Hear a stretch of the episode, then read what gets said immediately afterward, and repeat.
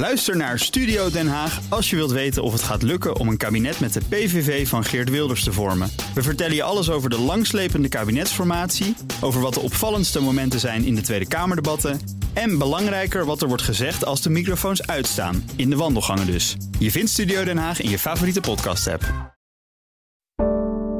Een goedemorgen van het FD. Ik ben Pauline Zwuster en het is woensdag 4 januari.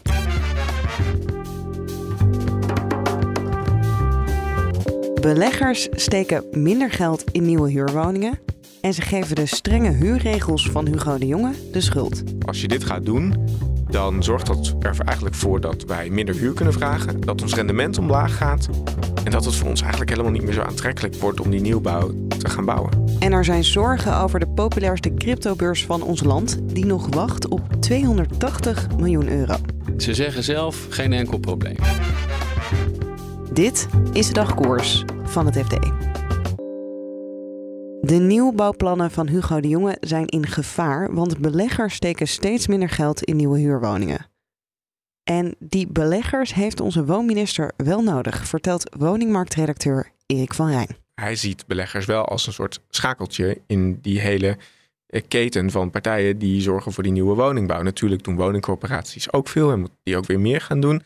Maar als het gaat over huurwoningen en huurwoningen in de vrije sector, ja, dan kijkt hij ook echt naar grote beleggers, zoals pensioenfondsen, verzekeraars, die veel vastgoed in hun portefeuille hebben en uh, ook uh, zorgen voor nieuwbouw. Ja, en die beleggers kijken dan weer naar hem en zeggen, nou dat kan je wel willen, maar jouw regels, uh, die voorkomen dat juist. Die zitten inderdaad dwars en die zorgen dus vooral voor ontzettend veel onzekerheid. En dat, dat roepen ze al een tijdje en nu zie je dat zo langzamerhand ook terugkomen in de cijfers. Van ja, als je dit gaat doen, dan zorgt dat er eigenlijk voor dat wij minder huur kunnen vragen, dat ons rendement omlaag gaat en dat het voor ons eigenlijk helemaal niet meer zo aantrekkelijk wordt om die nieuwbouw te gaan bouwen. Ja, en als jij zegt dit, wat is het dan waar ze het meeste mee zitten? Waar ze het meeste mee zitten is echt de uitbreiding van het zogeheten puntenstelsel. Hè?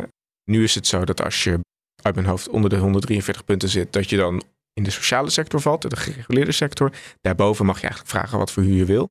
Ja, en Hugo de Jonge gaat daar nu een soort tussen die vrije sector en die gereguleerde sector gaat hij een soort van nieuwe gereguleerde sector tussen zetten. Ja, dus je had sociale huur en vrije sector en nu krijg je een soort midden ook gereguleerde ja, huur. Ja, gereguleerde middenhuur. En dat, dat betekent dat het segment tussen de 145 punten ongeveer en die en 187 punten straks ook gereguleerd wordt. Dus dat in die sector ook de huur uh, eigenlijk uh, ja, niet onbeperkt kan, uh, kan stijgen. En dat je dan bij die woningen niet kan vragen wat je wil als, als verhuurder. Ja. Kijk, Hugo de Jonge doet dit eigenlijk omdat hij eigenlijk zegt van ik wil, ja, hij heeft ook eerder gezegd ik wil iets van, met deze regels zijn iets van 90% van de, van de, van de woningen, huurwoningen in Nederland zullen gereguleerd zijn. Ja, en nou zijn er nieuwe cijfers van de Nederlandse bank. Dat gaat dan over dit uh, puntenstelsel, welke woningen daarin vallen. Ja, klopt. Want het is een aardige informatie die openbaar is gemaakt uh, door de Nederlandse bank naar aanleiding van een, uh, een, een WO-verzoek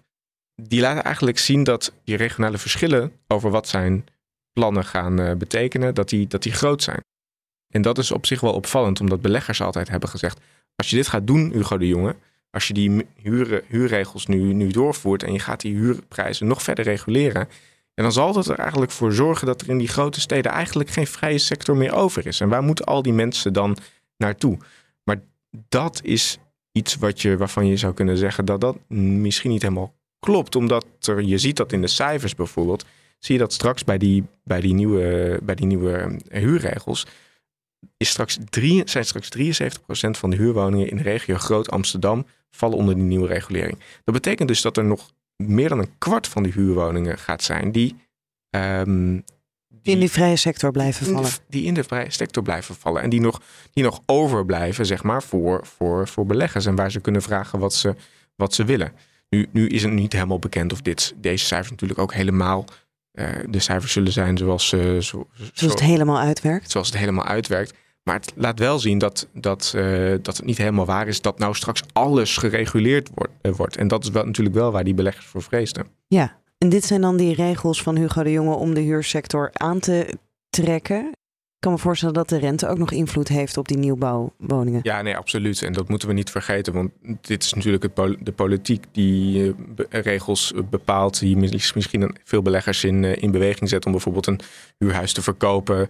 Of, of, of daar ontevreden over te zijn. Maar goed, ja, de rente is natuurlijk een grote, voor beleggers ook een grote, het, het grote ja, een heikel, heikel punt. Want je, je kunt als, als belegger nu, de financiering wordt gewoon een stuk lastiger. Uh, voor jou als, uh, als belegger. Op het moment dat jij meer rente moet betalen, ja, dan kun je minder lenen. Um, en dat is niet alleen zo voor beleggers, maar dat is ook voor mensen die nu een nieuwbouwhuis willen kopen. Je ziet dat nu heel veel nieuwbouwprojecten al in, inkakken, omdat mensen gewoon die relatief dure prijzen, die relatief hoge prijzen voor een nieuwbouwwoning, ja, dat, dat ze dat niet meer rondkrijgen bij de hypotheekadviseur, terwijl dat een jaar geleden misschien nog wel kon. En dan gaan we naar de Nederlandse cryptobeurs Bitfavo. Die moet nog 280 miljoen euro aan klantengeld terugkrijgen. Of dat ooit terugkomt, daar is steeds meer twijfel over, maar niet bij het bedrijf zelf. Je hoort Matthijs Rotteveel erover, die eerst even uitlegt van wie Bitfavo dat geld moet terugkrijgen. Ze hebben geld van klanten uitgeleend aan de Digital Currency Group. 280 miljoen. En dat geld, of geld, uh, crypto's eigenlijk, uitgeleend aan de Digital Currency Group. Die uh, gebruikt dat om te steken. Steken is het uh, plaatsen van die crypto's in de blockchain. En zodoende kan die blockchain draaien. En daar krijg je dan een vergoeding voor. Dat is een soort rente die ging terug naar de klanten van Bitfavo. Ja, en waarom krijgen zij dat geld dan niet terug van die Digital Currency Group? Ja, een dochter van de Digital Currency Group, uh, Genesis, is uh, geraakt door FTX, hè, dat er omgevallen is, dat er crypto's uitstaan, uh, uh, kunnen hun schulden niet meer terugbetalen. Eerst was het verhaal van de Digital Currency Group dat niet geraakt zou worden door ja. problemen bij de dochter, maar dat blijkt nu toch wel het geval te zijn waarschijnlijk. Ja, en Bitfavo, Nederlandse cryptobeurs, die hebben nog steeds het idee dat zij dat geld terugkrijgen. Die zeggen in ieder geval dat ze er heilig van overtuigd zijn dat dat geld terugkomt. Ze zeggen, um, we hebben afspraken, we zijn in een, uh, in een traject eigenlijk met die Digital uh, Currency Group uh, verwikkeld om dat geld terug te krijgen. ik heb de CEO Mark Nuvelstein nog gesproken van Bitfavo voor kerst. En hij zei, nou eigenlijk is het wel zeker begin 2023, nu ongeveer begin januari wordt dat getekend. Dus hoe we de schulden gaan afwikkelen. En dan in het eerste kwartaal van dit jaar, jaar komt de eerste betaling, uh, gedeeltelijke betaling binnen. En dan zo gedurende de, de lopende tijd moet die 280 miljoen terugkomen. En er is ook meer twijfel bij anderen aan überhaupt of die Digital Currency Group wel terug gaat betalen. Waar komt dat vandaan, die twijfel? Ja, er zijn dus andere schuldeisers. En uh, een daarvan is uh, Cameron uh, Winkelvos van de Gemini Group. Die is ook in dat onderhandelingstraject met de Digital Currency Group, uh, met de CEO daarvan. En die zegt, ja, die komt zijn afspraken gewoon niet na. Die zegt eerst uh, van, ja, we komen bij elkaar en dan gaan we afspraken maken. We gaan in één ruimte zitten. Daarna komen de voorwaarden, komen de bankiers terug tussen, komen er advocaten tussen. Ja, en, en tot nu toe is het nog niet tot afspraken gekomen. Dus hij verwijt hem gewoon vals spel. Je houdt me aan het lijntje. Je moet over de brug komen. Ja, en hoe groot zouden de problemen zijn voor Bitfavo als die 280 miljoen euro aan crypto's niet terugkomt? Nou, ze zeggen zelf geen enkel probleem.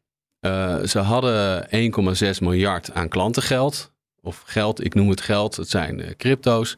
Dus uh, ze hadden 1,6 miljard er staan. Daarvan was 280 miljoen dus uitgeleend aan die Digital Currency Group. Ze zeggen, nou, we hebben voldoende financiële middelen om dat, uh, om dat terug te geven aan de, aan de klanten. Dat hebben, eigenlijk, dat hebben ze ook wel beloofd. We geven dat gewoon terug aan de klanten als, uh, als uh, het toch mis zou gaan.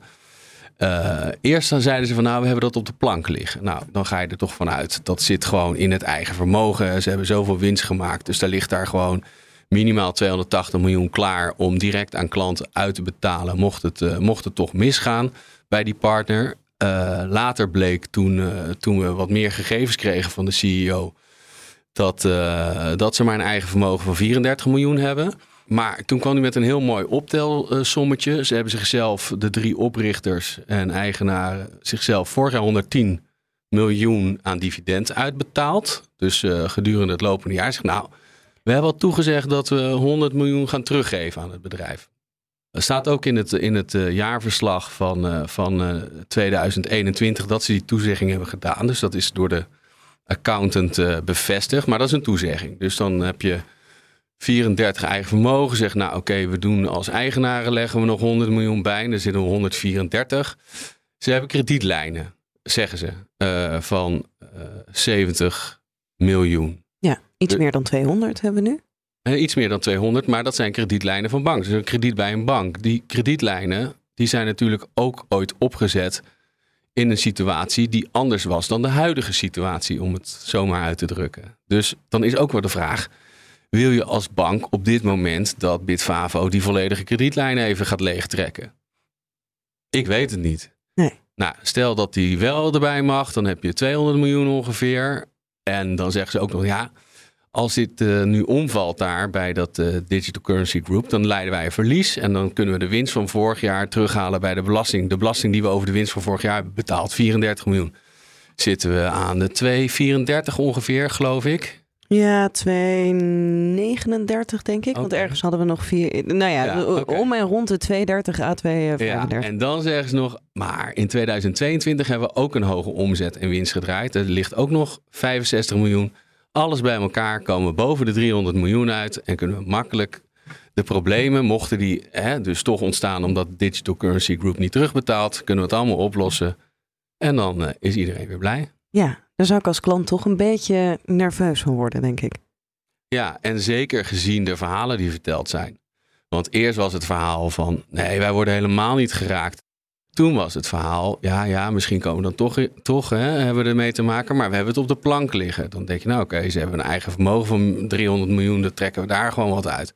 Ja, maar dat bleek ook weer niet helemaal waar te zijn. Dus als je telkens ziet, en ook al bij die partner waar de verhalen niet altijd uh, uh, dezelfde verhalen blijven, um, ja, dan ga je natuurlijk wel vraagtekens uh, zetten.